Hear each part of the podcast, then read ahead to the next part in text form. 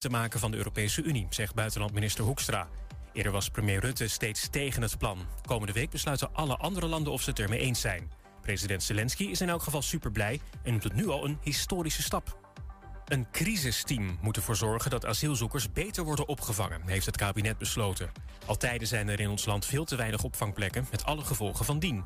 Zo zaten asielzoekers die in Ter Apel in tentjes sliepen 15 uur lang zonder eten en drinken.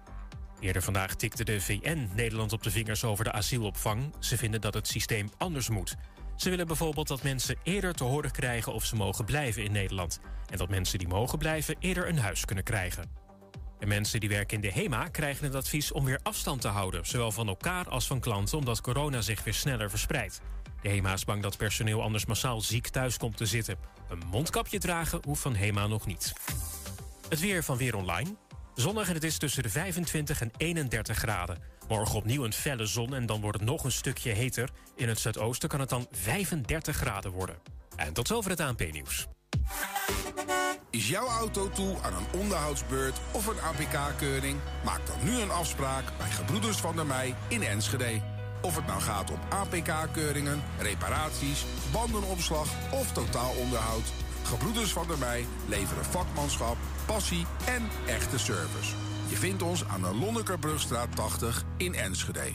Mam, mama, ik moet plassen. We zijn bijna bij Willemse Toiletten. Daar kun je veilig naar een schoon toilet en je handen wassen. Willemsen Toiletten, het openbaar toilet in de binnenstad van Enschede. Voor het hygiënisch en plezierig bezoek vindt u in de klanderij. Lever na uw toiletbezoek de waardebon in bij een van de deelnemende winkeliers. Scan de QR-code of kijk op willemsentoiletten.nl. Ook ik rij op autobanden van Gebroeders van der Mei. Vind ons aan de Lonnekerbrugstraat 80 in Enschede.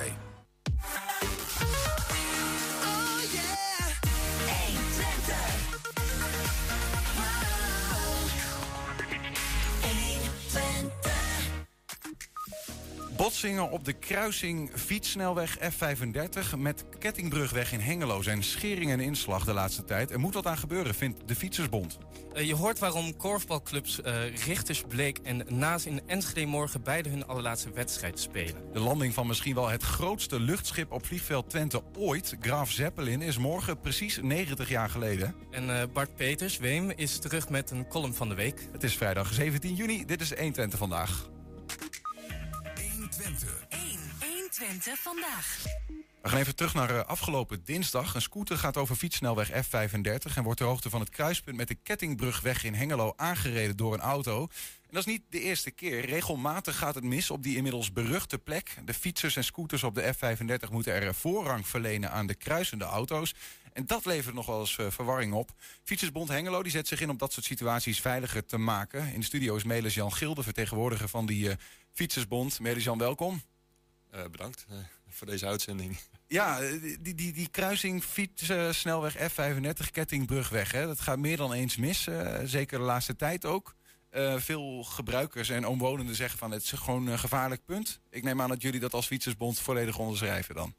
Nou ja, ik weet zeker, niet alles bereikt mij persoonlijk. Uh, uh, er is dus altijd meer. En dat wat ik lees in de krant, dat stemt mij niet heel erg gerust. Nee, want heb je een beeld van... Ja, kun je schatting maken van hoe vaak het aan misgaat eigenlijk? Nou ja, dat is dus lastig, omdat ik... Ja, ik... Nou, hoeveel, hoeveel, hoe, waar weet je wel van? Laat ik het nou, zo ja, ik heb vanochtend zitten googelen. Ja. en, gewoon en dan alleen maar de Tubantia-artikelen. En volgens mij had ik al acht hits over een periode vanaf 2015. Nou ja, dat is dus uh, in ieder geval uh, twee of drie keer per jaar dat, er, dat de Brandsja er al over heeft geschreven. Ja. Uh, en wij als Fietsersbond zijn daar bij de aanleg ook al bij betrokken geweest. En hebben we het, onze verbazing er ook al over uitgesproken dat zeg maar in een F35 je niet zomaar plotseling geconfronteerd kunt worden met een afwijkende voorrangssituatie. Ja, wat, laten we heel even kijken, want we hebben, we hebben wat beelden. En, en vertel even van, van wat is dit nou precies voor punt? We hebben die fietssnelweg langs het spoor. Nou ja, het, het punt is, uh, je hebt een fietssnelweg langs het spoor. Daar heb je, dus je, je rijdt daar, uh, dit zijn fietsers die daar gewoon ja, haast recreatief voorbij komen. Je ziet er ook een brommetje rijden. Uh, zijn toegestaan. Nou, die rijden daar echt wel met een vaartje van nou ja, 35 als je, het, als je iets gas terugneemt, zeg maar. Maar ja, plotseling een voorrang moeten verlenen. En zeker komend vanuit de richting Hengelo. je nadert een onoverzichtelijk kruispunt. Je ziet daar, zeg maar, dat links in het beeld, daar, daar zie je nog een bordje voorrang verlenen. Maar dat Mhm. is inmiddels waarschijnlijk overwoekerd. Ja, zie je wel, bijna overwoekerd door eh, begroeiing. Ja. Dus Je ziet het het eigenlijk, staat- is die hoek staat- ook heel dood. Hè? Als in, je kunt Ja. niet goed over de hoek heen Nee, kijken. Dus je nadert het kruispunt eh blindelings. Eh, nou ja, je verwacht eigenlijk niet daar te- eh, voorrang te moeten verlenen. En het moet toch. Nou, en waarom moet dat? Nou, dat is omdat ProRail dat eist. Eh, en waarom eisen ze dat? Omdat daar wel eens een keer, nou ja, één keer in de honderd jaar denk ik, een, een oplegger kan komen van eh, een, een, een tientonner. Die dan eventueel op het spoor zou moeten stilstaan, omdat er dan een speedpedelec voorrang verleend moet worden. Dus een soort hypothetische situatie die, eh, die ik nog nooit heb, heb gezien. Ik heb daar nog nooit zwaar. Ja, maar even of voor mijn begrip, dan bedoel je dus dat als je vanaf als auto's vanaf de kant van het spoor komen, zeg maar over die kettingbrug weggaan en ze moeten stilstaan voor dat fietspad, dan zouden ze op het spoor zelf stil moeten Ja, staan. maar dan moet je dus al wel een behoorlijk lange auto hebben. Die, die caravan die er net voorbij kwam, die heeft die lengte nog niet eens. Ja, want Dus anders kun je netjes na het spoor nog stilstaan. Dat bedoel ik. En die, eh, ja, die rijden daar niet hard, want het is een heel raar klein weggetje. Mhm. Ik denk aan de kant eh, tussen spoor en kanaal, daar wonen, daar wonen denk ik drie mensen. Ja. Er staan drie huizen. Ja. En een camping. Ja. Maar goed, die camping die kun je net zo goed ontsluiten via een, andere route. Ja. Die er dan nu nog een, eh, ja, gewoon niet gebruikt is. En dan kom ik op het punt, wordt, het, wordt de situatie verbeterd? Nee, de situatie wordt juist verslechterd. Ja, want jullie hebben hier weggetje- meermaals contacten over gehad hè, met de gemeente Hengelo. ja, ja. Nee, dus gemeente Hengelo weet ervan. Niet alleen gemeente Hengelo, de projectleider van de F35 van de provincie Overijssel weet ervan. Ehm, iedereen weet ervan. En als je dan denkt van, ik zie vooruitgang. Nee, ik zie alleen maar achteruitgang. Want wat ik heb gezien, en daar heb ik me echt hooglijk over verba- verbaasd... dat dat autoweggetje, Mhm. wat onverhard was... plotseling, zonder dat, dat ik erover ben geconsulteerd als fietsersbond... Als, ja, min of meer ook, ook als belanghebbende, zeg ik dan... eh, wordt geasfalteerd. En wat kan er dan gebeuren? Dan gaat alleen maar de snelheid van het autoverkeer omhoog. En welk, welk, welk, welk weggetje heb je het dan over? Nou, dat is dus de kettingbrugweg na het spoor richting eh, de camping. ja, ja. Ja, dus de, de oude de, de kettingbrug tot, vanaf de Enschedeze straat tot aan het spoor was altijd wel verhard. Maar met heel slecht en hobbelige asfalt. Over het spoor had je alleen maar verharding op het kruispunt F35. Maar daarna was het gewoon een, een, een soort wasbord eh, eh, zandweggetje. Ja. En waarom wasbord? Omdat daar heel veel sluipverkeer rijdt. En als je daar over een onverharde weg met je schokdempers... Ja, dan ontstaat er op een gegeven moment trilling. En dat leidt uiteindelijk tot een wasbord. Ja, Dus daar, daar, werd nooit hard gereden. Er werd voorzichtig gereden. En nu ligt er asfalt. Ja, Ja. Je kunt er wel 80 als je wil. Ja, ik kan me voorstellen dat je dan het gevoel hebt dat de auto's in ieder geval eh, de, dat de snelheid meer in de hand wordt gewerkt. Ehm, goed, de, de, de, de reden die ProRail aanvoert, ja, nou ja, als er ooit een keer een hele lange auto op het spoor blijft stilstaan, eh, dan wordt dat ook problematisch natuurlijk.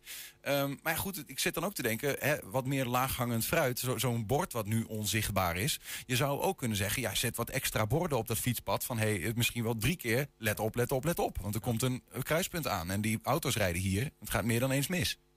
Nee, maar het blijft een onoverzichtelijk punt.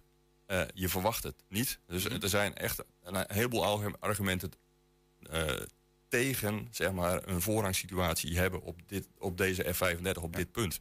Maar is dat Eh. puur ProRail of is dat ook zoals we het in Nederland überhaupt hebben? In dit, want er zullen ongetwijfeld in Nederland meer van dit soort situaties zijn. Ik weet niet of je daar Ik wel ken, zicht op ik hebt. ken ze zo gevaarlijk als dit, ken ik ze niet. Oké. Oké, uniek. niet. Ja, want ik vraag me af hoe het dan in andere situaties wordt opgelost. Eh, maar wat, wat, doen jullie? Want jullie zijn met de gemeente in gesprek. Proberen de, nou ja, alle mensen die over dat- die fietssnelweg gaan, hè, over provincie Overijssel, dat soort dingen, te overtuigen van doe er wat aan. Ehm, is dat alles wat je kunt doen? Nou, ja, alles. Kijk, ik ben vrijwilliger van de Fietsersbond. Hè, Ja. Dus ik zit in de avonturen wel eens een keer dat ik even een uurtje vrij heb. En dan probeer ik me met dit soort dingen bezig te houden. En, en daarover te communiceren met, met de, mijn achterban. Mhm. eh, met mensen die ik dan ken. eh, en, en dingen te verbeteren voor de fiets. Ja. Eh, en dat, die, dat verbeteringstraject, eh, meestal werkt het.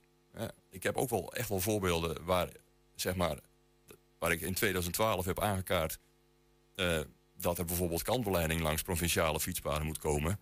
Je moet heel veel geduld hebben, maar het ligt er nu wel. Ja. Eh, dus er zit geen onwil op. Maar in dit geval snap ik het gewoon niet. Ik snap het gewoon niet wat, dat hier geen verbetering eh, optreedt. Eh, er zijn landelijke doelstellingen in het zogenaamd strategisch plan verkeersveiligheid. Die, eh, die beogen om zeg maar nul doden in 2050 of iets dergelijks te hebben in verkeersslachtoffers. Mhm.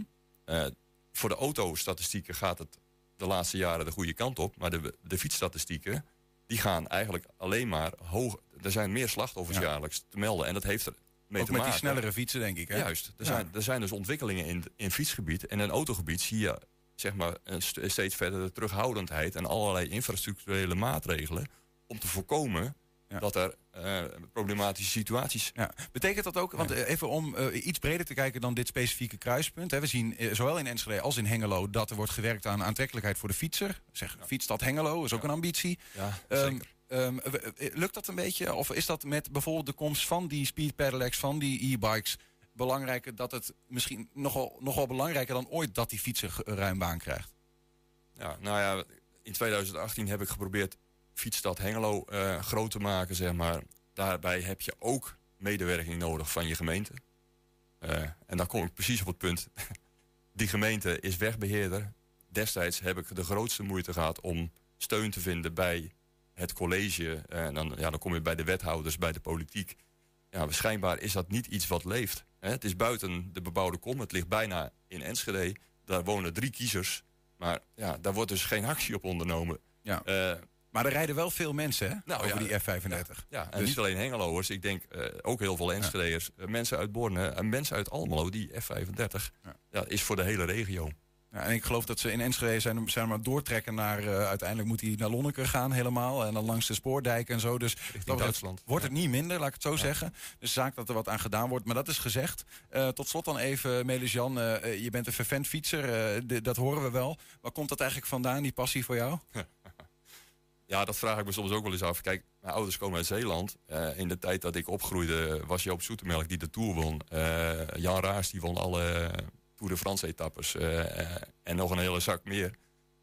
Eh, dat, dat zit in de genen, denk ik. ik weet het niet. Mijn oma, die, als ik daar in de zomer was, daar gingen we fietsen in de duinen, kan ik me herinneren. Dus zo ben ik gewoon groot geworden. Ik ben vervolgens naar Lelystad verhuisd. Ik weet niet of je daar wel eens geweest bent. Maar Nooit. dat is het, het, het fietsmekka van Nederland. Oh ja, dat... Nou ja, kijk, daar, daar is een heel stedelijk concept neergelegd... waar je als fietser gewoon alle vrijheid hebt. En waar het autoverkeer ja, sterk gereduceerd wordt in snelheid in de woonwijken.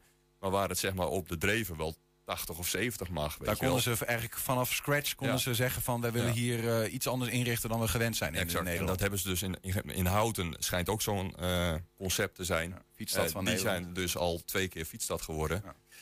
Omdat daar ook, ja, die zitten gewoon dicht bij het vuur en die kunnen daar veel lobby op zetten. Ja, eh, ik kom uit, uit die andere fietsstad van Nederland, zeg maar, die bij natuur, van nature eh, zo is aangelegd. En als je dat gewend bent, hè, en je vindt fietsen tegen de wind vind je dan leuk, zeg maar, op een dijk. met eh, met ja, af en toe een windmolen. Nou, die stonden er niet toen ik, toen ik zo jong was. Ja. Dan, en je komt dan naar, Tw- naar Twente. ja, dan, dan wordt fietsen eigenlijk alleen nog maar leuker. Want je hebt daar hele mooie landweggetjes. nou ja, af en toe zelfs een beklimmingje, de Tankenberg. Geweldig. Maar wat je dus... Nou ja, ik woon dus maar, sinds 92 in, eh, in deze regio. Wat je wel ziet in al die buitengebieden... er komt steeds meer autoverkeer. En daar ben ik me dan ook over gaan afvragen. How come? En hoe weten die automobilisten nu in één keer de weg? Nou, tuurlijk, Google Maps. Hè? Die brengt je van A naar B. Ja, en, die gaat langs de paadjes die je zelf nooit had gekozen. Exact. Dus die zegt van linksaf, rechtsaf. Dus daarmee neemt ook weer de urgentie voor een goed verkeersplan in die zin toe. Want dat je, hè, je, je, je komt de auto's vaker tegen op plekken waar je ze niet verwacht. Laat Nou ja, en dat, en, dus waarom is dat zo? En dat stond ook in een van die eh, artikelen van 2016 uit Tubantia. Waar ze hebben geprobeerd deze kruising ook af te sluiten. Mhm. Het werd een drama, want er was zo ontzettend veel autoverkeer. Eh, en een reactie van een mevrouw die zegt van ja, maar mijn navigatiesysteem die geeft dit aan. Ja. Dus we moeten eigenlijk gewoon met Google bellen. Niet meer doen. Kettingbrug weg, Ja. links laten liggen. Als jij nog een vriendje bij Google hebt, dan mag je dat guest. Ja, ja. dan vlieg hem in. Eh Melis Jan Geel, dank voor eh, nou ja, je, je openlijke ergernis hier aan tafel. Daar wordt het in ieder geval duidelijk van. En eh, succes met, met je strijd. Ja, nou ja, jullie bedankt voor de aandacht voor de media. Graag gedaan. Zometeen uh, hoor je waarom die korfbalclubs Richters, Bleek en Naas, of Nees... In Nes. Nes, ja, Nes. Kijk eens aan, ja. In Enschede morgen beide hun allerlaatste wedstrijd spelen. Ja, en we zijn ook als podcast te luisteren. Je vindt ons op alle bekende platforms uh, 120 of 120 vandaag uitgelicht. Bekijk het even, luister ernaar. In de... 120 vandaag. In de coronatijd namen veel mensen een huisdier voor de gezelligheid. En nu dat normale leven dan weer een beetje is begonnen... blijkt toch dat de mensen niet meer zoveel tijd hebben voor zo'n beestje. De dieren worden nu massaal aangeboden op internet... en dat blijkt dan uit de cijfers van Stichting Verhuisdieren. Wij vroegen ons af wat de Enschedeers hiervan vinden.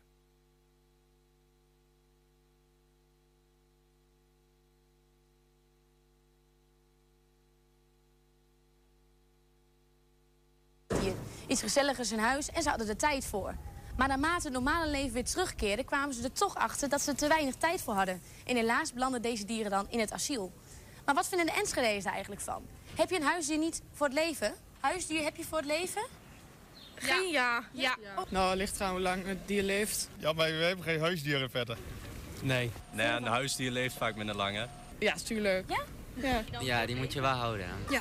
Waarom? Ja, als je ergens aan begint, moet je het ook afmaken. Omdat je zelf de keuze hebt gemaakt voor het dier? Ja, sommige mensen hebben in de coronatijd een huisdier aangeschaft... en die zeggen, ja, nee, ik heb er nu toch geen tijd meer voor. Vindt u daarvan? Ja, dat vind ik belachelijk van die mensen. Dat gewoon uh, in de opwelling wordt gekocht. Verstandig. Ja? Dan denk je niet aan de toekomst. Ja, tenzij je na de tijd ook nog het huisdier wil houden, wilt houden, maar... Maar die heb je wel voor het leven. Moet je voor het leven thuis houden? Als je hem hebt gekocht wel. Waarom? Als mens zijn moet je wel gewoon over nadenken, toch? Als je iemand, als je een huisdier neemt. Ja, ik bedoel, die heeft ook een leven. Ja. ja. ja. Dus dan zeg je, ja, dan hecht hij aan jou en dan uh, zeg je doei. Ja. Nee, vind ik niet. En wat zegt dat over die mensen die dan nu die huisdieren wegdoen? Ja, dat weet ik niet. wat vind jij? Wat zegt dat over die mensen? Ja, die kunnen niet zo goed nadenken dan. dus ze hebben er in ieder geval niet goed over nagedacht. Beetje impulsief? Ja, misschien wel, ja. ja. Of misschien ook wel een beetje egoïstisch.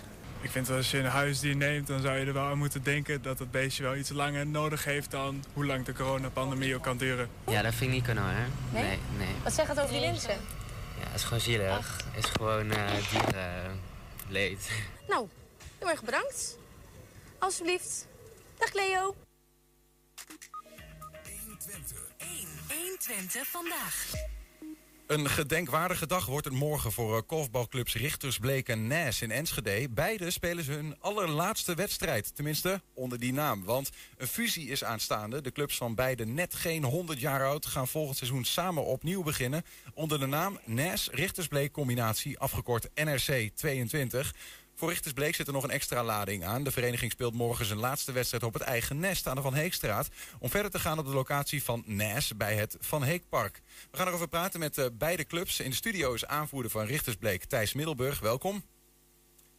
En uh, aan de telefoon aanvoerder van Nes, Nieke Heupers. Ook goedemiddag. Ja, goedemiddag. Even beginnen met de olifant in de kamer, uh, mannen. Een fusie, sorry Thijs.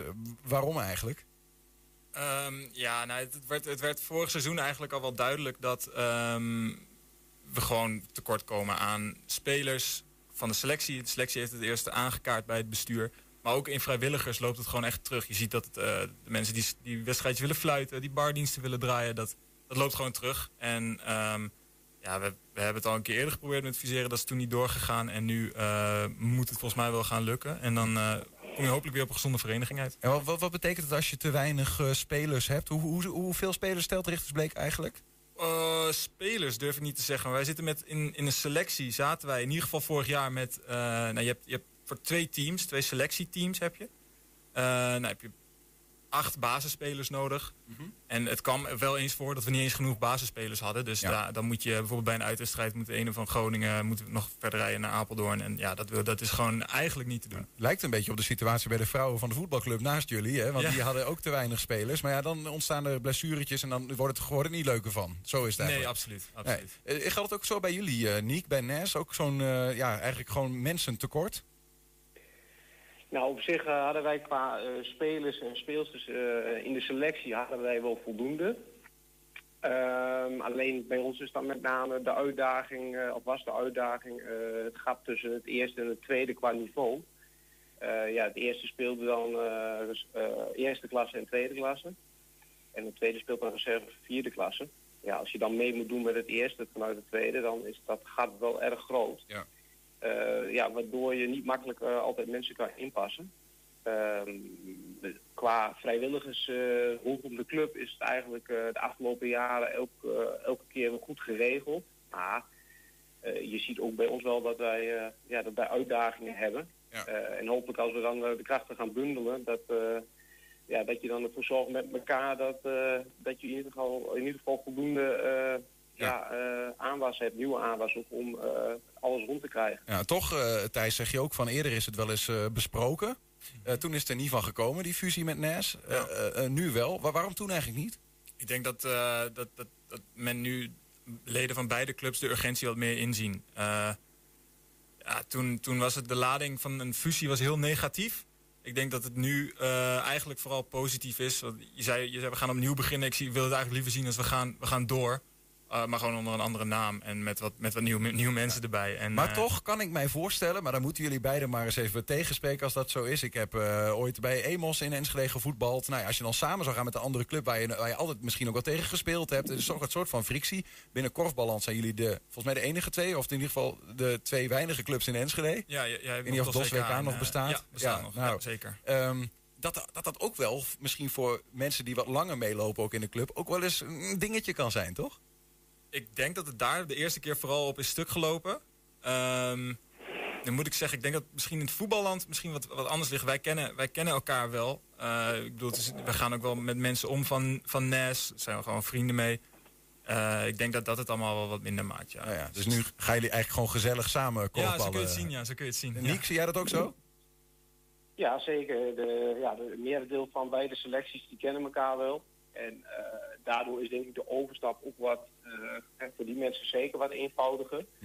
Ja, er zullen altijd mensen zijn die, eh, die het wat anders zien. En zeker de oude garde die eh, ja, toch wat meer andere gevoelens er- erbij heeft. Ehm, maar het, het is gewoon je begin. Ja, ja, ik zeg ja, je begint opnieuw. Misschien is dat niet helemaal zo. Hè, want je gaat eigenlijk allebei door. Alleen je gaat gezamenlijk door. En ja, dat gaan we doen op het mooiste, op een van de mooiste sportcomplexen van, van Enschede. Ja. En eh, dat, ja, dat is gewoon een, mooie uitdaging. En eh, ik denk dat zowel voor, eh, voor de jeugd, maar ook, ook zelfs voor de senioren, dat, eh, ja, dat er wel een mooie toekomst zou kunnen liggen. Ko- Komen we zo nog even verder over te spreken, over die plek waar jullie eh, naartoe gaan. Ik ben ook nog wel even benieuwd als het gaat om die onderlinge verhoudingen. Hebben jullie, Niek, wel eens, eh, zeg maar, hebben jullie wel eens als clubs tegen elkaar gespeeld ook? Ja, zeker. Heel vaak. Heel vaak? Elke voorbereiding wel sowieso. En, eh, En wie wint er in zo'n geval? Ja, meestal wij. Richtersbleek dus? ja, heel.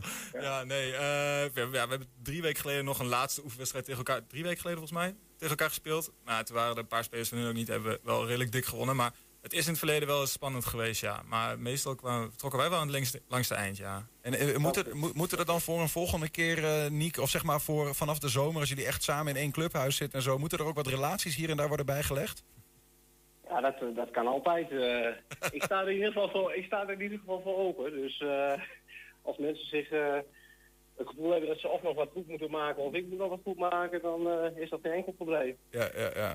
Betekent het ook Nee. trouwens, niet, even Thijs, voor, voor jou, dat jullie als Richtersbleek hoger spelen? Wie, is- wie is eigenlijk nu... eh, Ehm, in, ja, we hebben, we hebben twee competities in dit jaar. We hebben een veldcompetitie en een zaalcompetitie. En in de zaal speelden we in dezelfde klasse. En eh, op het veldcompetitie spelen, we, spelen wij als Richtersbleek zijn één klasse hoger. Ik bedenk mij trouwens nu dat jij kunt eh eh, eh, Niek horen op het moment dat jij de Oh, koptelefoon op je hoofd zet. Ja, Dat- ja, dacht precies. Anders wordt het een ingewikkeld verhaal. Denk me nu pas. Excuus. Eh, dan even toch misschien een heel klein beetje, want ik denk dat er veel mensen zijn die korfballers, ehm, nou ja, van, misschien van, van vroeger nog als ze op school zaten, dan werd er wel eens bij een schoolvoetbal of schoolkorfbaltoernooi gekorfbald, maar voor de rest, daar houden we wel een beetje mee op. Ehm, als we kijken naar jullie clubs, en laten we beginnen even bij, bij Richters Bleek, zeg maar. Wat is dat eigenlijk voor, voor, voor club en, en zijn er wat zo memorabele momenten in de geschiedenis geweest? Want bijna 100 jaar voor jullie ook, 96 geloof ik. Oeh, dat, daar stel je me wel een vraag. Ik moet heel eerlijk zeggen dat ik eh, in de geschiedenis niet heel goed thuis ben. Ik ben zelf nu 15 jaar ongeveer hier. Ja. 17, denk ik. En ik, ik ken het wel gewoon als een hele warme club met heel veel, eh, heel veel fijne mensen. En eh, gewoon ja, een hele leuke instelling. En eh, je, kunt er altijd, je kunt er altijd heen voor een leuke tijd. Veelal Enschede'ers bij jullie? Eh, ja, maar ook wel aardig wat studenten die, eh, die toch vanuit het westen hier komen. Ja. hier een jaartje gaan studeren. Die zit natuurlijk ook bij de UT in de buurt wat dat betreft. Ja, precies. En ehm, die, die blijven dan soms hangen. We hebben nu nog een, een student die, die, die hier vroeger heeft gestudeerd. Die woont en werkt hier nu. Mhm. En we hebben nu ook een paar studenten die meetrainen en meespelen aan wedstrijden. Ja. Ja.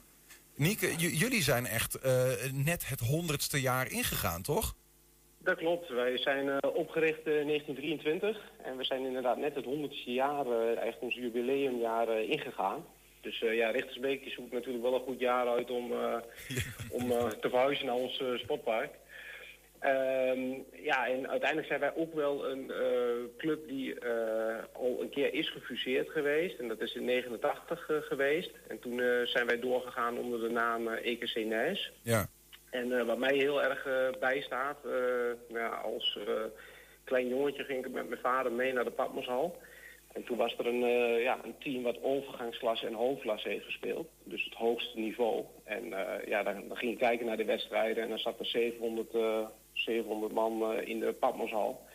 Ja, en ja, dat waren hele mooie, memorabele wedstrijden waar heel veel gescoord werd.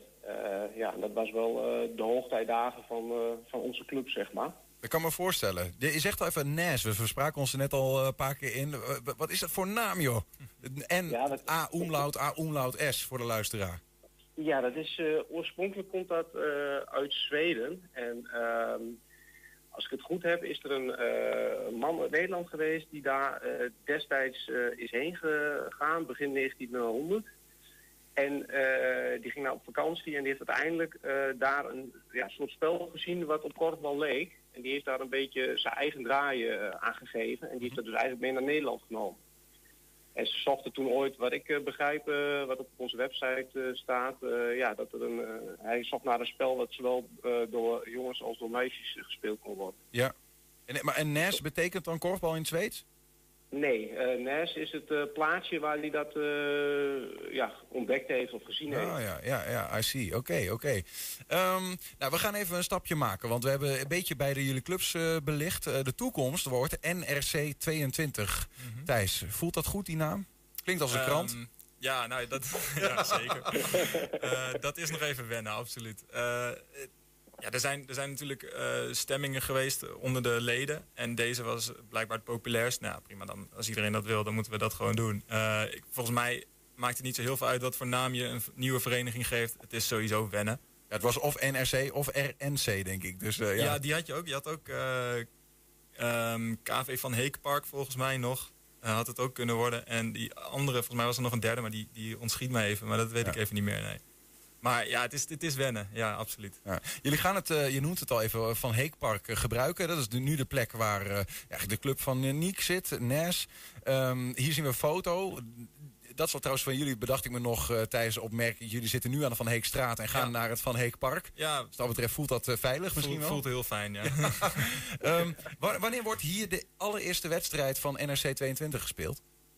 dat zal na de zomer zijn. Ik denk begin september, eind augustus.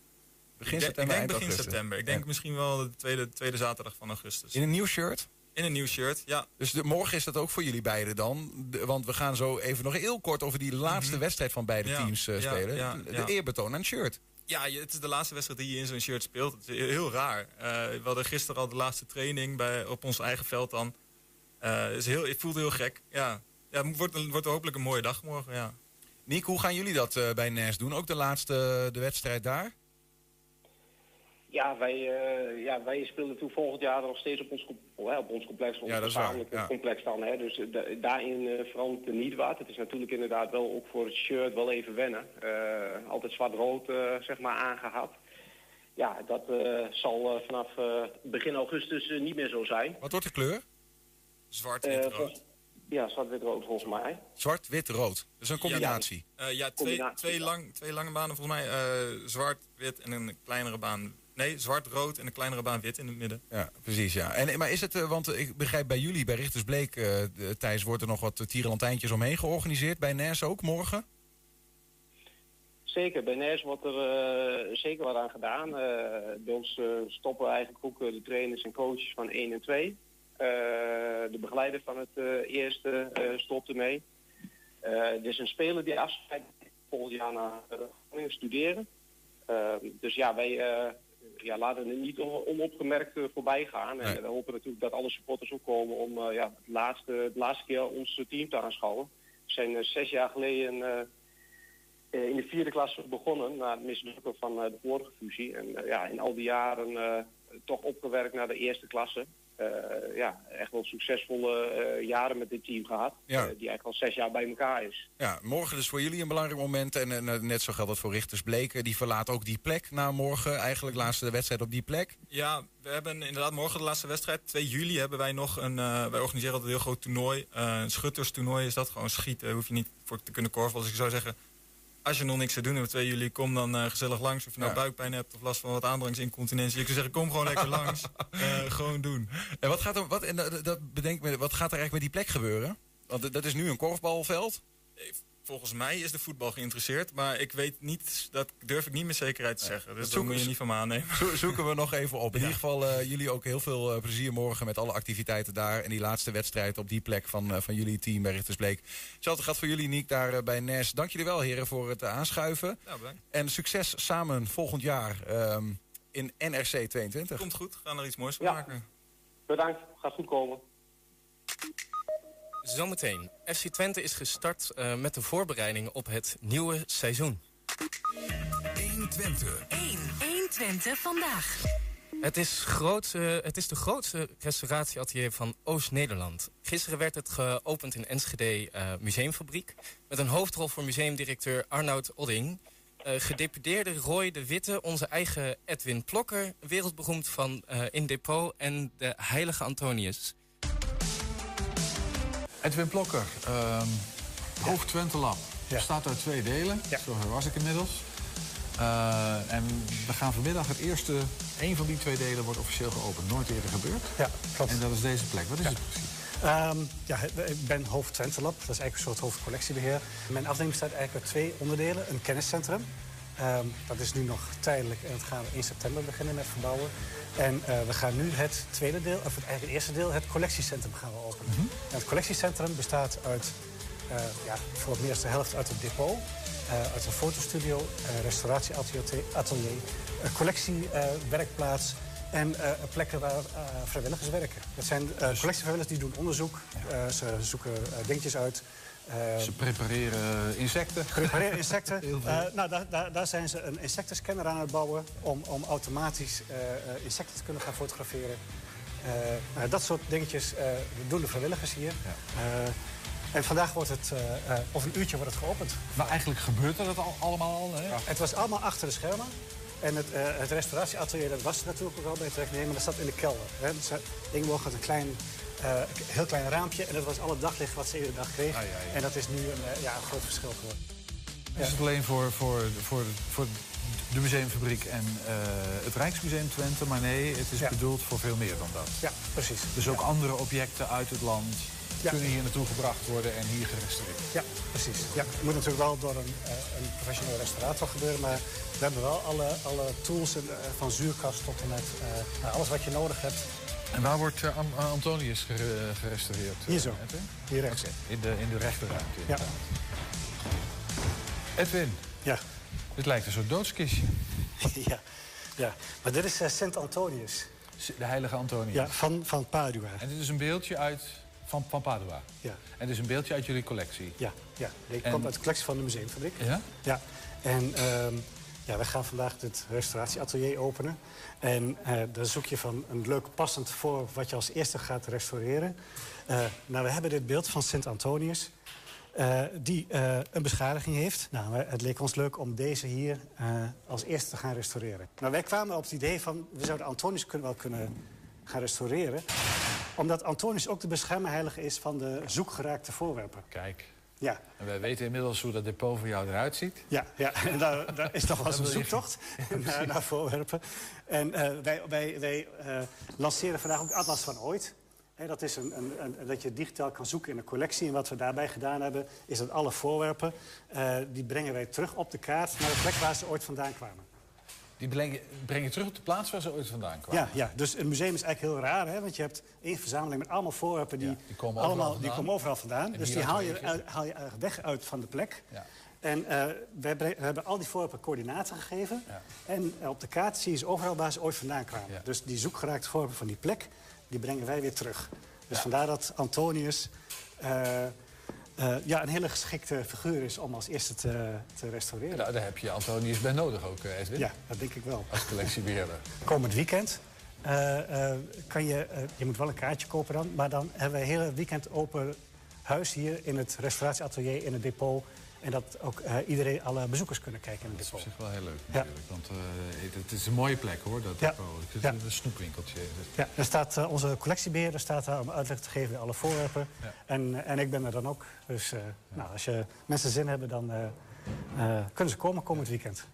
Het uh, spliksplinternieuwe restauratieatelier, de andere plekken waar gewerkt wordt aan de museumcollectie. Ook het, nieuw, uh, het nieuwe depot in de museumfabriek zijn dit weekend open voor publiek.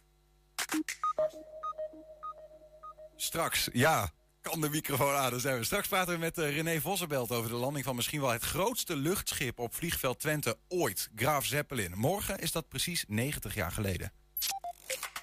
120. 120 vandaag. Na een paar weken vakantie stapte de selectie van FC Twente vandaag het trainingsveld op voor de start van de voorbereiding. Nog niet aanwezig nieuweling Sam Stein en de internationale Sadilek, Czerny en Zerouki. Wel aanwezig Brama, Mokotjo en Brenet. Het is geen geheim dat de club hem graag wil houden, maar de verdediger heeft meer aanbiedingen op zak. Waar speel jij volgend jaar? Een hele goede vraag. Ik, uh, ik ben nog steeds aan het nadenken, ja. Dus uh, ik zou zelf uh, op dit moment de antwoord daarop nog niet weten. In hoeverre weet u hoe hij erin staat? Want u zegt al, ja, daar, bij zulke clubs kan hij meer verdienen. Maar er is natuurlijk ook zoiets als een speeltijd. Hè? Speler wil graag natuurlijk het liefst minuten maken. Lijkt mij ook. Voor hem is dat ook belangrijk. Hij wil nog een aanmerking komen voor het Nederlands elftal. Ja, dan moet, dan moet hij gaan spelen. En, uh, en, en op zijn favoriete positie, dat is belangrijk. Maar hij is, altijd, hij is een beetje moeilijk te peilen, die jongen. En, uh, maar een goede, goede gast. Maar het is moeilijk te zeggen wat het gaat worden. Zeggen, gooit u het daar dan ook op in die gesprekken met hem? Van, hé, hey, maar hier kan je lekker voetballen. Ja, ja, maar dit gaat vanzelf. Want de spelers uh, beginnen natuurlijk ook wel. Hè, van je moet blijven en noem maar op. Maar hij is wel een beetje onverstoorbaar. Uh, Joshua is bij ons uh, de minst voorspelbare speler uit de hele selectie. Dus ik heb echt uh, geen idee. Want dat hij hier is, dat komt niet omdat het contract nog doorloopt... maar omdat hij zelf met het verzoek kwam. Dus dat vind ik heel positief. Uh, dus we moeten hem echt een beetje vertroetelen. En we gaan hem pas uitschelden als hij uh, weer getekend heeft. We horen net van zowel Jan Struijer als Ron Jans... dat ze ook echt oprecht geen idee hebben. Ze zeggen, wat dat ben jij heel onvoorspelbaar, zeiden ze. Um, weten wel dat ze je echt een concrete aanbieding hebben gedaan. Dus die ligt er. Uh, hoeveel van die aanbiedingen, ook van andere clubs... heb jij inmiddels concreet liggen? Ik denk een stuk of zes.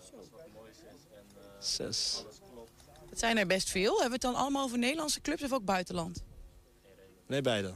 Beide, ja. Beide. Is dat ook nog een overweging voor jezelf? Van überhaupt van Nederland of buitenland? Of, of ben je daar al voor jezelf uit? Want dan kan je er al een paar wegstrepen. Uh, ja en nee. Ik wil... Ja, ik heb altijd gezegd, ook toen ik begin hier, of, uh, toen ik begin hier kwam spelen... dat mijn buitenlandse avontuur... Uh, ja, eigenlijk niet voorbij was. Ik, ik heb het gevoel gehad dat twee jaar gewoon van mensen afgenomen. Dus daarom hadden we ook besproken met z'n allen samen hier destijds... dat ik alleen maar voor zes maanden hier zou tekenen. Dat het mijn boer zou zijn. En vanuit daar eigenlijk zou ik weer die stap... Uh, ja, dat gevoel heb ik eigenlijk nog steeds. Zo denk ik nog steeds eigenlijk over na. Maar ja, hoe je zegt, uh, mijn gevoel hier was, was stop. Uh, ik ben weer een voetballer geworden die ik voorheen was. Uh, ja, bijvoorbeeld hoe je weet, Feyenoord, PSV is gekomen. Ja, dan als ik over PSV praat, dat is toch wel ja, de club waar, waar je bent begonnen. De speler die heeft gemaakt, kan je zeggen. En dan ja, blijf je daartussen een beetje hangen. Dan, dan, daarom zeg ik ja en nee. Ik, ja. ik weet het nog niet. In hoeverre heb je zelf daar ook een bepaalde tijd wel voor gegeven van... Ja, dan moet ik wel een keer mijn keuze hebben gemaakt. Want ik, ik kan me ook voorstellen dat welke club het ook wordt... je wil natuurlijk aan het begin zo'n voorbereiding meedraaien... want daar moet je het eigenlijk al een beetje laten zien. Ja, klopt. Ik heb niet... Ik heb wel een soort gedatum in mijn hoofd wanneer ik het zou doorhakken, maar... Wanneer is die? Ja, nee, dat hou ik lief voor mezelf, maar... Heb je het nog over weken, eh, maanden? Nee. Kan niet heel lang meer zijn. Nee, dat ook weer niet. Nee, het zal binnenkort zijn. 120. 120 vandaag. Het was mega. Alle fabrieksarbeiders kregen vrij om te kijken als ze die dag later maar weer inhaalden. Morgen is het precies 90 jaar geleden dat zo'n 50.000 mensen uit de regio erop uittrokken om te kijken naar de landing van luchtschip Graaf Zeppelin op vliegveld Twente. Hoewel er nog niet zoveel auto's waren als nu, veroorzaakte de gebeurtenis de misschien wel allereerste file op de single in de Enschede ooit. Een grootste gebeurtenis dus. En René Vossenbelt die vertelt vanavond eh, op het vliegveldterrein zelf over die landing aan een klein groepje bezoekers. Maar nu geeft hij ons alvast eh, een klein voorproefje, een samenvatting. René, welkom. Goedemiddag. Eh, misschien kunnen de videoschuif heel iets omlaag zetten, want die eh, zorgt voor het ruis. Ehm, ja, we hebben hier een foto eh, die nou, prachtig is natuurlijk van dat moment. De, de Graaf Zeppelin boven vliegveld Twente. Ik moet meteen zeggen, de foto's die we laten zien zijn van familie Brussen. Mogen we gratis gebruiken en daar zijn we dankbaar voor. Ehm, dit, dit, is, dit is een moment geweest, hè René? Ja, dat is zeker een moment geweest. De eerste keer dat een Zeppelin in Nederland landde. En nog één vliegveld meer had de, diezelfde eer. En ja, dat was het dan. En ja, voor Nederland dan over en uit. En eh, wat is het, vijf jaar later was het hele hoofdstuk... of het hele boek Zeppelin, een boek mag je het wel noemen... Ja. eh, was uit eh, door die ene ramp met het, De Hindenburg. het zusterschip van, inderdaad, van Ja. deze Zeppelin. Ja. Ehm, dit, dit schip had een, een, een diameter van, begreep ik, 30,5 meter. Een volume van 105.000 kubieke meter, kunnen we niks bij voorstellen. Maar bovenal ook een eh, lengte van 236,6 meter. Ik heb even opgezocht, het is ongeveer 2,5 voetbalveld. En dat is meer dan drie keer de huidige Boeing van 71 meter. Ja, ja, ja, ja, dat is dan een speelgoedvliegtuigje erbij vergeleken. Ja. Echt hè? Ja. Is dit het grootste, de grootste ding wat ooit heeft geland op vliegveld Twente? Ja. Ja, ja, dat wel. Dat wel. De Hindenburg was dus nog groter. Die was 245 meter lang. En die Ja. had een dubbel volume. 200.000 kubieke eh, meter. Ehm, waterstof. Hè? Een brandbom. En eh, ja, die, eh, die was bedoeld voor het vervoer van meer passagiers. Want de Zeppelin was commercieel niet succesvol. Eh, dus heel veel, naar verhouding is daar heel veel mee gevlogen. Hij heeft eh, eh, 1,7 miljoen kilometer gevlogen voordat hij gesloopt werd.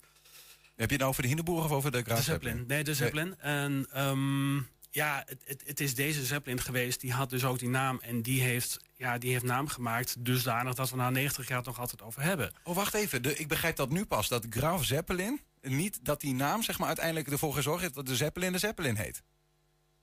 Ja, dat denk ik dus wel. Ja. Dus dat, dat ja, ja. Kijk, de, Oh. de, de uitvinder, de, de oprichter van de fabriek, die heette eh, graaf eh, eh, Ferdinand von Zeppelin. Ah, ja, ja, ja, Die man is in, in de tijd van de Eerste Wereldoorlog overleden. Toen is het bedrijf overgenomen door een, eh, ja, een enthousiasteling. Iemand die uit een heel andere hoek kwam. eh Hugo Eckenig. En die heeft het bedrijf overgenomen. En dat heeft heel voortvarend gedaan. Kijk, we hebben het over een tijd dat, eh, dat het in Nederland misschien niet zo goed ging. Maar Duitsland ging het echt slecht. Na het verliezen van de Eerste Wereldoorlog. Eh, er kwam hyperinflatie bijvoorbeeld. Dus met name in de jaren twintig was het daar, eh, liep het allemaal niet zo geweldig. Ehm, de fabriek moest ook voor zorgen dat er eh, Zeppelins als herstelbetaling aan andere landen werden geleverd. Er zijn een aantal aan Frankrijk geleverd en eentje aan Amerika. En met name die laatste, die ehm, eh, was, ja, vormde eigenlijk een doorbraak voor het bouwen van nou ja, commercieel bedoelde Zeppelins. En Ja, ja. daarvan was onze LZ 127, Graaf om precies te zeggen, was daar eh, de belangrijkste van. Wat deed het ding eigenlijk op vliegveld Twente? Ja, ehm, hij heeft het vliegveld aangedaan op weg naar eh, Waalhaven. We zien er wat beelden van op de achtergrond trouwens. Dit is ook echt, eh, we zagen net het moment dat, dat, dat ja, dit bij vliegveld Twente geloof ik, als ik het goed zie. Ehm, nou ja, bewegend beeld. Van, ook moet ik ook even zeggen, van de collectie Overijssel is dit. Ja. Wat, wat, wat deed het ding daar? Hij maakte een vlucht, vlucht vanuit eh, een goede 600 kilometer naar, eh, naar Twente. Daar is hij geland. Heeft hij zo'n, ik geloof, eh, 41 minuten heeft hij aan de grond gestaan. Nou ja, niet letterlijk, maar hij werd naar beneden getrokken, beneden gehouden door 250 turners, gymnasten. Ja, die hebben we ook op de foto trouwens. Dus leuk om even te laten zien. Dat zie je eens echt eh, enthousiast met z'n allen staan. Hier staan Ja, zo in hun ja, ginpakjes. Ja, ja, klopt. Maar daar kun je toch niks bij voorstellen? Een, een, een Boeing landt gewoon, maar dit ding moest aan de grond worden getrokken. Ja, ja, ja. Nee, nee, daar zit verschil in. Dat klopt. Eh, om te voorkomen dat hij weer omhoog zou eh, zweven. Want het ging natuurlijk alle- allemaal om evenwicht. balans tussen de, de, de last, de mensen en, en wat er verder aan boord was. En ehm, ja, het stijgvermogen van, eh, van het waterstof. Eh, maar ja, dat lukte dus wel steeds. Want eh, op zich heeft deze Zeppelin probleemloos gevlogen. Er is geen enkel probleem geweest. En hij heeft het toch wel moeilijk gehad. Bijvoorbeeld op de eerste wereldrondvaart. Dit is het eerste luchtvaartuig dat rond de wereld is gevlogen. Eh, in een paar weken tijd. Net voor eh, de beurskracht in 1929. Heb je Hoeveel, zoiets. hoe- hoeveel vloog zo'n ding dan eigenlijk? Want het is een, een bom waterstof, maar dat wisten Ja. ze toen nog niet. Maar dat was wel zo. Maar die, dat ding brengt het ding omhoog. Hoe komt die vooruit? Eh, nou, hij had vijf motoren. Van eh, 530 pk ieder. Hoe hard vliegt zo'n ding daarmee? Eh, de topsnelheid was zo'n 120 kilometer, 128 kilometer per uur. 128? Ja, en, Middag. en eh, gemiddeld nou, werd er, zeggen ze wat, 110 zo die kant uit eh, gevlogen. Maar goed, je hebt natuurlijk geen stoplichten. Hè? Je kunt gewoon rustig eh, doorvliegen. En in die tijd had je niet eh, al die luchtwegen die je tegenwoordig hebt... vanwege allerlei beperkingen, eh bijvoorbeeld geluidsoverlast en weet ik wat. Dat had je toen niet. Dus hij is ook rechtstreeks van Friedrichshaven over Enschede... naar Vliegveld Twente gevlogen. En op de foto die je net liet zien... kun je inderdaad ook zien dat hij dus vanuit het, rechtstreeks vanuit het zuiden komt...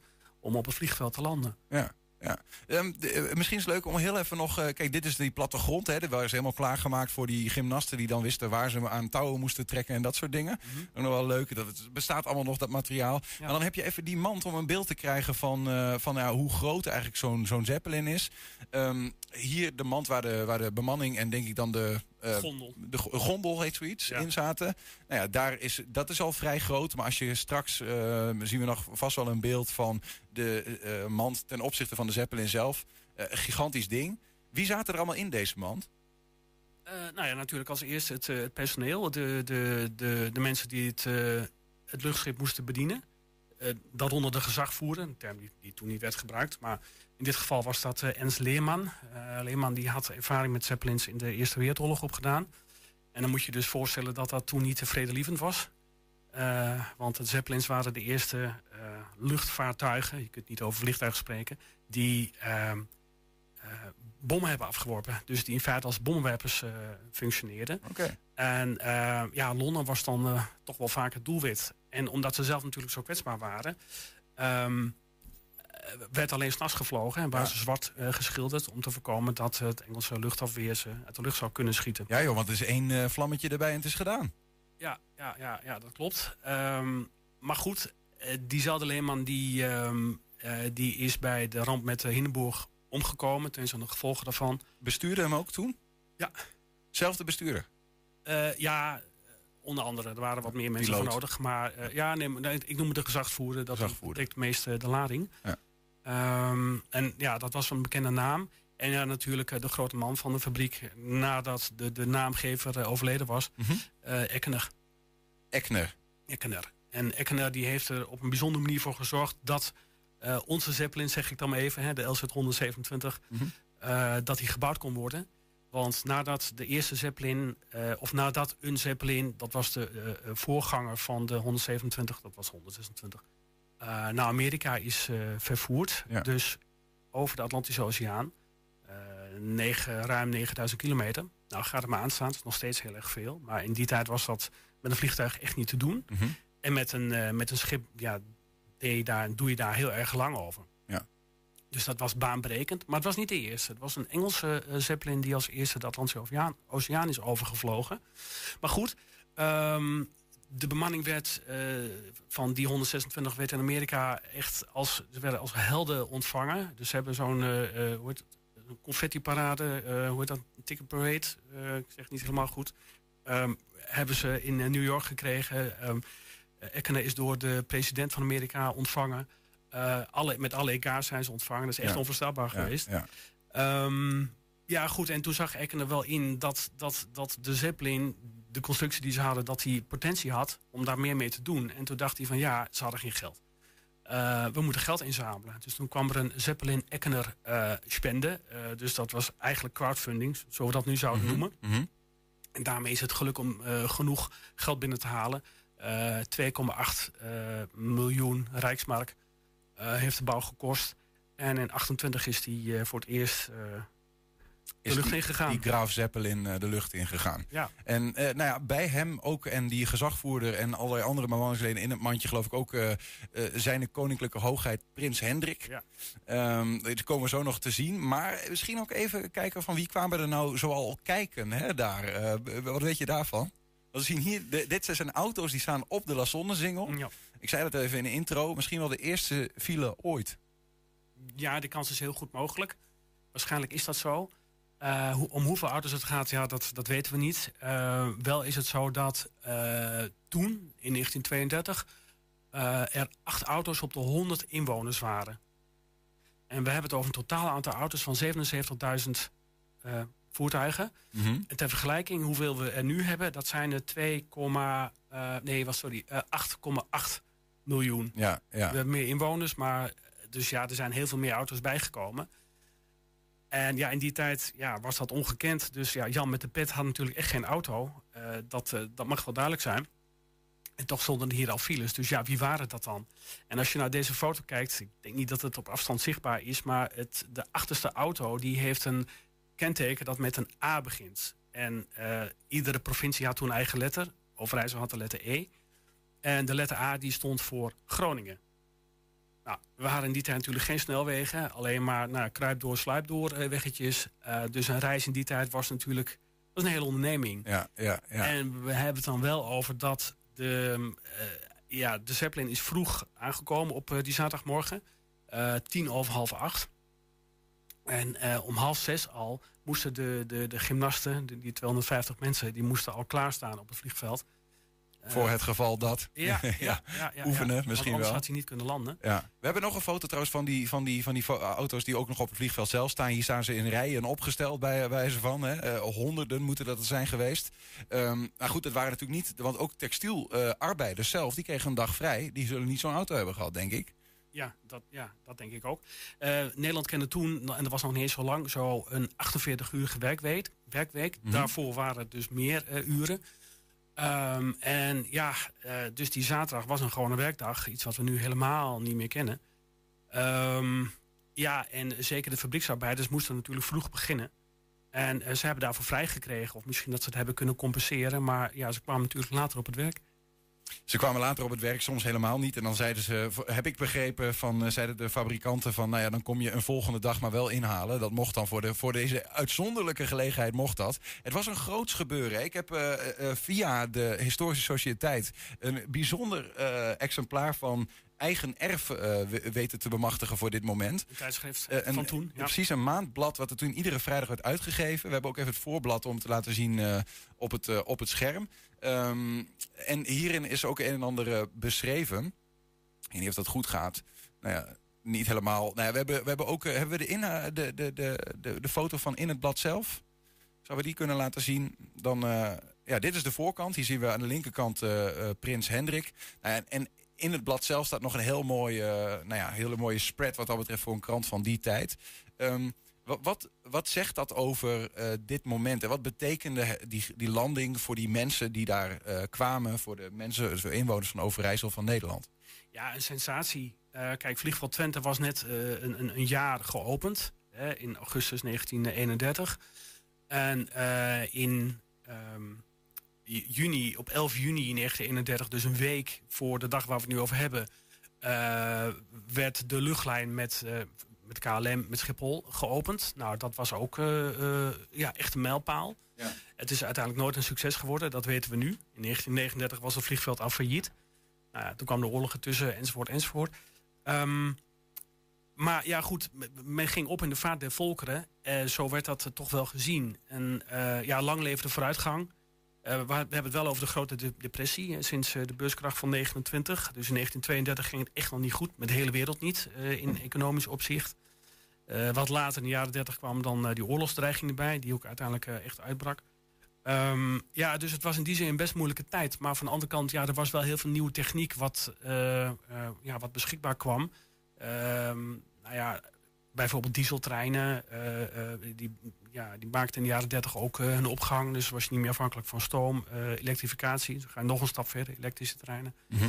Ehm, eh, ja, er gebeurde van alles en nog wat. Enschede natuurlijk, die zijn singles kreeg. Dankzij Edo Bergsma, de man die ook op die foto staat. Ja, aan de rechterkant rechts, ja. met, met, met, met, de- zwarte hoed, zeg maar. Ja, ja. En, maar hij staat daar dus niet als burgemeester van Enschede. Wat hij op dat moment nog wel was. De man is decennia lang burgemeester geweest. Maar we hebben het hier over op dat moment in 1932 grondgebied van de gemeente Lonneker. En de burgemeester van Lonneker, ik weet zijn naam zo even niet, maar die was er ook aanwezig. Maar die, dat was kennelijk een wa- wat meer een achtergrondfiguur. Nee, maar Edo Bergsma die was er als voorzitter van de NV Luchtvaartterrein Twente. Oké, ja, ja. En vandaar ook dat hij de opening dus een jaar eerder eh, van het vliegveld heeft gedaan. Ja. En dat deed hij met alle voortvarendheid. We moeten het gesprek alweer gaan afsluiten, René. Eh, We zitten zelfs al iets over tijd, maar het is uh, beren interessant, deze gebeurtenis met al die oude beelden. Ik wil er nog eentje even laten zien. Die is niet zo oud. Die is eh, van 1993 uit mijn hoofd. Dat is een schilderij gemaakt door eh oud-Enschedeer eh, Gerrit Zelstra. Misschien kun je die nog even laten zien. Eh, gewoon mooi, het, het- de Graaf Zeppelin boven eh Lonneker in dit geval. Een prachtig schilderij later nog gemaakt van deze bijzondere gebeurtenis. Eh, de inhoud van deze krant eh, eh, is te lezen in een artikel wat we hierover gaan maken op 120.nl. Nogmaals dank voor eh, gebruik van de beelden van familie Brussen ook bij deze. En eh, René, jij heel erg bedankt voor nou ja, een klein inkijkje in deze bijzondere gebeurtenis. Morgen, 90 jaar geleden. Ja, inderdaad, toen landde de, deze legende, zo kun je hem toch noemen, die ervoor gezorgd heeft dat de merknaam een soortnaam werd die nog altijd bekend is. Zelfs kleine kinderen kennen de naam Zeppelin. De Zeppelin. En dat komt allemaal door dit eh, luchtschip. Ja, ooit op vliegveld Twente, mooi. René Vossenbelt, dankjewel. Zometeen eh, de wekelijkse column van eh, Bart Peters Weem. 120. 1. 120 vandaag. Maar eerst in het wijkcentrum de Hengeloze S komen iedere vrijdagochtend zo'n tien ouderen bijeen om zo'n potje lekker te biljarten. De biljartgroep is een initiatief van eh, Scoren in de wijk. En dat moet er dan voor zorgen dat de ouderen niet hele dagen alleen thuis zitten.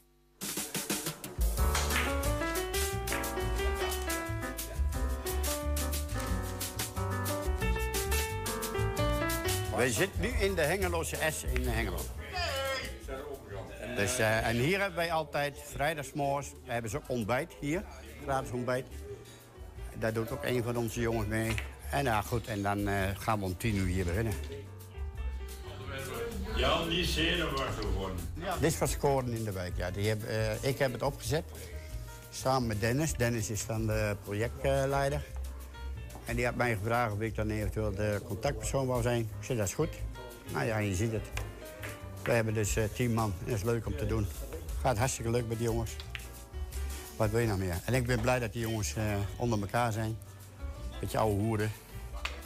Weet je wel, de moeilijkste ballen maken ze en de makkelijkste ballen missen ze. Dat heb je wel gezien. Ben ik alweer? Jongens, ik heb een interview, man. Verdomme. Waar ben je nou weg?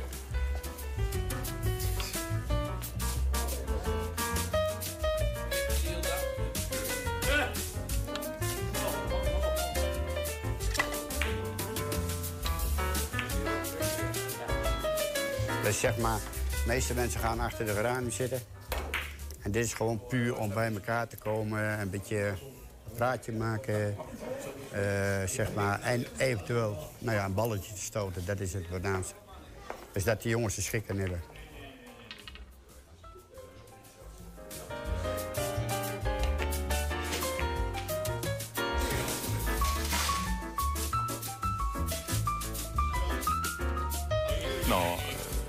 Ik heb altijd al wel gebiljart. Toen ik nog jong was. Had je nog een café. Maar eh, ze hebben me gewoon gevraagd, wat vind je dat niet leuk om, om hier te doen? Moet ze lachen. En uh, dus zodoende ben ik bij hun gegaan. En dan heb je een beetje afleiding, 's morgens twee uurtjes. Ja. Ik bedoel, je bent gezellig met elkaar. We gaan nog uitstapjes doen. We gaan een keer met de bus weg. Ik bedoel, ja, wat de mogelijkheden zijn. Dus zo- zo'n biljartgroep, is dat belangrijk voor een wijk als de Hengeloze S? Ja, ja ontspanning voor de, voor de mensen die, die dat willen. Het geeft wel wat. Het is echt leuk om te doen. Moet ik zo? Mag ik zo? Volgende. Ja? Niet ouwe hoeren. Als je op de vraagstoel zit, dan... eh Nog een keer rond. Ben je het winnen? Nee, nee, nee. Ik ben niet aan het winnen. Dat niet. Kijk, zo goed ben ik ook nog niet. Bernhard. Had ik naar jou had geluisterd, dan was het helemaal niet wat geworden.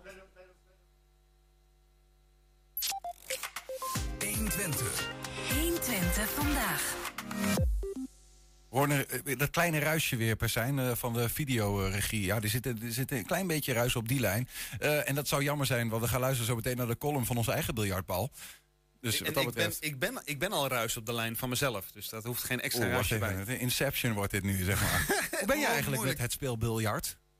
Ja, hoor, nee, dat, dat is niet aan mij besteed. Ik heb wel eens, poelen, dat heb ik wel eens gedaan.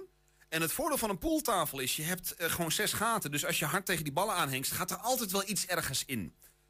Eh, in hoop ik. Eh, dus het is meer geluk dan wijsheid. En de laatste keer dat ik gepoeld heb, was volgens mij toen ik eh, een keer ging, ging daten met mijn... Het was de eerste date met mijn huidige verloofde. Dat is jaren geleden. Volgens mij heb ik daarna ook niet meer... Misschien nog één keertje. Maar het was wel succesvol dan, op een zekere manier. Ja, dat moet je haar vragen. Ik denk, ik hoop het. Voor mij in ieder geval wel, ja. Zijn nog steeds van harte bij elkaar, toch? Wat jou betreft? Ja, ja, wat mij betreft wel. Zelfs na het in elkaar zetten van de meubels. Ja, precies, ja. Helemaal goed. Bart, welkom. We gaan naar je luisteren. Beste luisteraar, het wordt 30 graden en dat schijnt warm te wezen. Al moet ik u wel zeggen dat we inmiddels in Nederland ook 40 graden hebben meegemaakt. Dus is die 30 graden dan nog wel zo bijzonder? Is dat inmiddels niet gewoon normaal? Aan sommige dingen zouden we, als het steeds vaker gebeurt, toch wel een beetje gewend moeten gaan raken. Zo wordt het beeld van protesterende boeren zo onderhand een beetje vertrouwd.